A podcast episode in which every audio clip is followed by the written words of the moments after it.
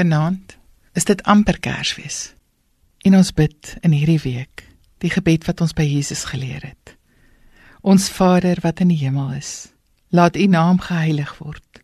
Laat U koninkryk kom. Laat U wil ook op die aarde geskied, net soos in die hemel. Gee ons vandag ons daaglikse brood en vergeef ons ons oortredinge, soos ons ook die vergewe wat teen ons oortree. En laat ons nie in die versoeking kom nie maar verlos ons van die bose. Christus, die verlosser. Die hoogtepunt van die evangelie van Christus lê nie net in Jesus se menswording, sy baba of seentjie wees, sy profeet of leermeester wees nie. Dit lê in die aktiewe daad wat hy doen as hy die mensdom toelaat om hom te kruisig, te vermoor sodat ek en jy kan lewe. Van die begin van God se omgang met die mens, verklaar hy dat die gevolg van die sonde die dood tot gevolg het. Maar die Here beloof dat hy die mag van die bose wat ons wil doodmaak, sal kom breek. Die Here beloof vir ons lewe en hy kom sy belofte na wanneer Jesus uit die dood opstaan en die mag van die dood breek. Daardeur maak hy dit vir ons moontlik om ewig te leef al sterf ons liggaam.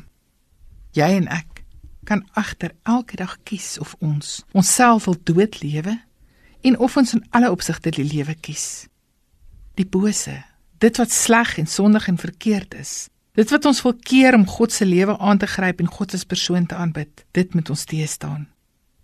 Daarom sê die Here, bid spesifiek sodat jy nie in die versoeking kom nie sodat jy nie verlei en mislei word deur al die blink en bliklag van die bose nie. Oppas vir die goed wat jou aandag van my die Here sal aftrek. Die goed wat sal maak dat jy 'n pad van ver van God gaan kies. Selfs al lyk dit mooi en goed. En kan jy 'n verskoning uitdink oor hoekom jy daarmee besig wees? Oppas daarvoor, want dit lei na die dood.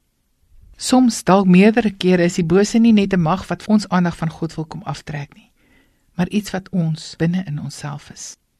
Som gee ons toe aan ons sondige natuur en staan ons God se gees in ons teë en dan begin ons ons met dinge besig hou wat ons verlei om al hoe meer dinge te doen en te sê en te dink wat teen dit is wat God eer moet bring.